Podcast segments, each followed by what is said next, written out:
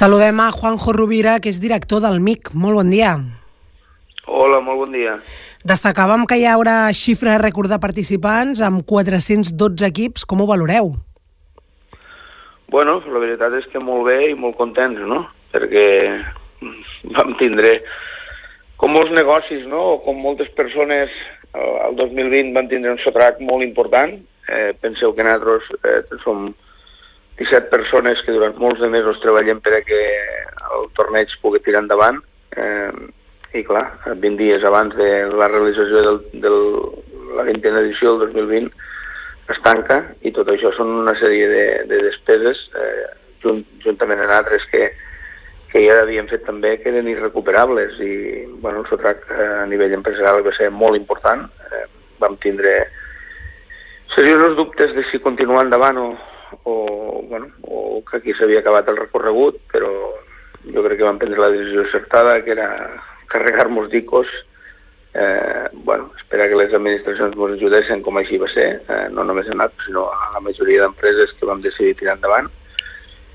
I bueno, teníem clar que, que això era una cosa que quan eh, la vida es normalitzaria, pues, també es normalitzaria, i bueno, ja, ja l'edició del 2022 pues, ja vam poder fer una edició reduïda, però ja vam poder, el 2023 eh, ja vam d'alguna manera tornar a números quasi bé prepandèmia, però el d'enguany ha sigut la locura, eh, ha sigut la locura en, en, en, bueno, en l'augment de participants i els, els timings que s'han que s'han utilitzat, no? perquè bueno, nosaltres sempre els equips de casa esperàvem a primers d'octubre a passar-nos la informació en i en quant eh, pensem que a principi de temporada els directors de futbol base, coordinadors, estan eh, liats amb, posar en, pràctica, posar en marxa els seus clubs a la competició ordinària de la Federació Catalana i vam haver d'accelerar-ho tot perquè la, la, les peticions que ens venien des de fora eren moltíssimes i això pues, ha vingut al final en un resultat, com va heu dit abans, de 412 equips de, de, bueno, de, de, més de, 50, de, de més de 40 països del món i, i dels cinc continents. No? I per tant, bueno, molt contents de que, com sempre diem, molt contents d'aquesta volum de participants que tindrem i, bueno, amb, amb carregats també de responsabilitat perquè, com sempre diem, no podem fallar i, i a tota aquesta gent que ens ha fet confiança pues hem, de, hem de donar un resultat òptim i hem de tornar a aconseguir fer el millor amic de la història. Clar, eh, aquesta feina ben feta fa que creixi la participació, però també que el cartell sempre sigui de luxe. Bueno, és, és la, la filosofia que, que, que ha tingut eh, i, i, i en què va néixer el, el MIC, no? Eh, el MIC penseu que va néixer de la, de, d'una idea de tres persones, eh, una persona de Figueres que era Pere Gratacós, en Josep Colomer de Vic i jo mateix de Tortosa, i nosaltres la filosofia que teníem era donar l'oportunitat als nostres jugadors que, que eren de, de, de, de ciutats o de pobles, que no tenien l'oportunitat de viure probablement una, un esdeveniment i una experiència com a, com a professionals, eh, no, no estan a una, a una pedrera d'un club professional i aquesta ha sigut la filosofia que s'ha mantingut i que s'ha de mantenir i, a més amb uns estàndards de qualitat que, que la gent quan, quan, quan acaba el torneig diga, més que jo no he vingut aquí només, no, només he jugat un torneig de, de futbol base, que sí, no? sinó que l'experiència eh, que he viscut ha sigut importantíssima.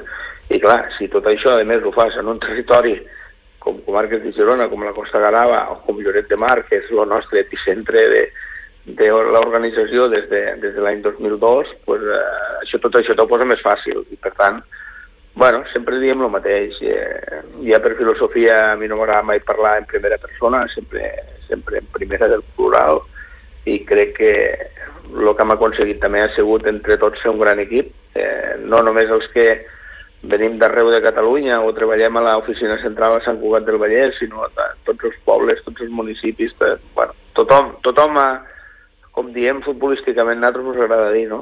Hi ha molta gent que bufa per que la pilota toca el pal i vegi dins i això sigui un èxit i que la gent marxa contenta i vulgui tornar. I així ens ho diuen també les enquestes, ens ho diu, ens ho diu el dia a dia, perquè ara una de les coses que ens trobem amb molta satisfacció és que hi ha, hi ha trucades que et diuen no, és que jo vaig jugar al MIC l'any 2003, l'any 2004, i ara sóc entrenador i vull que els meus jugadors visquen l'experiència que vaig viure en aquell moment com a jugador. I això pues, són coses que, que t'omplen de, de molta satisfacció. Mm. I, Juanjo, quantes persones esteu a, a darrere de l'organització? Bueno, nosaltres al dia a dia t'he dit que som 17 persones. 17, no? val. Més, més, més, altres, més altres persones d'empreses externes i després, bueno, doncs quan fem la, la, que el que és el MIC directament controlades per nosaltres, som, som al voltant de 400 persones, però aquí cal afegir doncs, després la, la, la gent dels autobusos, la, la, les, les persones que treballen pels ajuntaments i que també estan implicades directament, la gent dels hotels, els mitjans de comunicació, Bueno, el que et dic, i és el que ens agrada destacar i crec que és l'èxit, és eh, que hi ha molta gent que, que treballa en un mateix objectiu i en una mateixa il·lusió.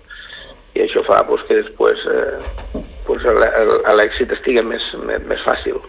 I a més a més el públic que també gaudeix d'espectacle, no, no és un torneig base per anar simplement que els jugadors s'ho passin bé, sinó que el públic també eh, veu partits de, de molta qualitat.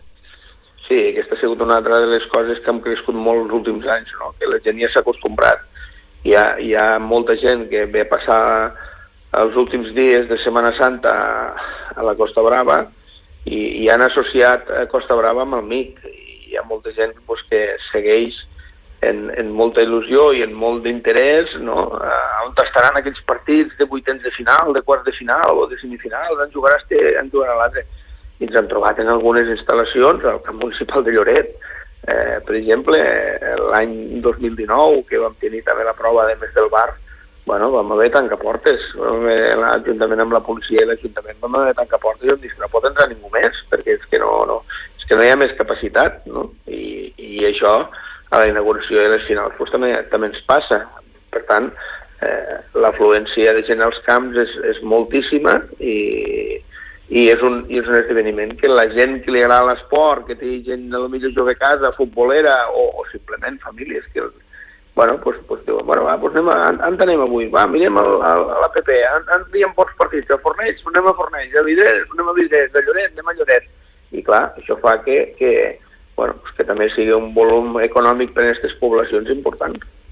Doncs eh, esperem que aquesta edició, que no en tenim cap dubte, vagi també com sempre i el mix segueixi creixent i això sí, que es mantingui Lloret com a epicentre del torneig.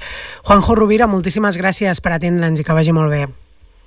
Molt bé, moltes gràcies a vosaltres com sempre també i que com he dit abans formeu part d'aquest equip i ens ajudeu també a, a aquest dia, no? a, a, a, que, a que buféssim i toquen la pilota al pal de dins i que tot vegi bé. Moltíssimes gràcies.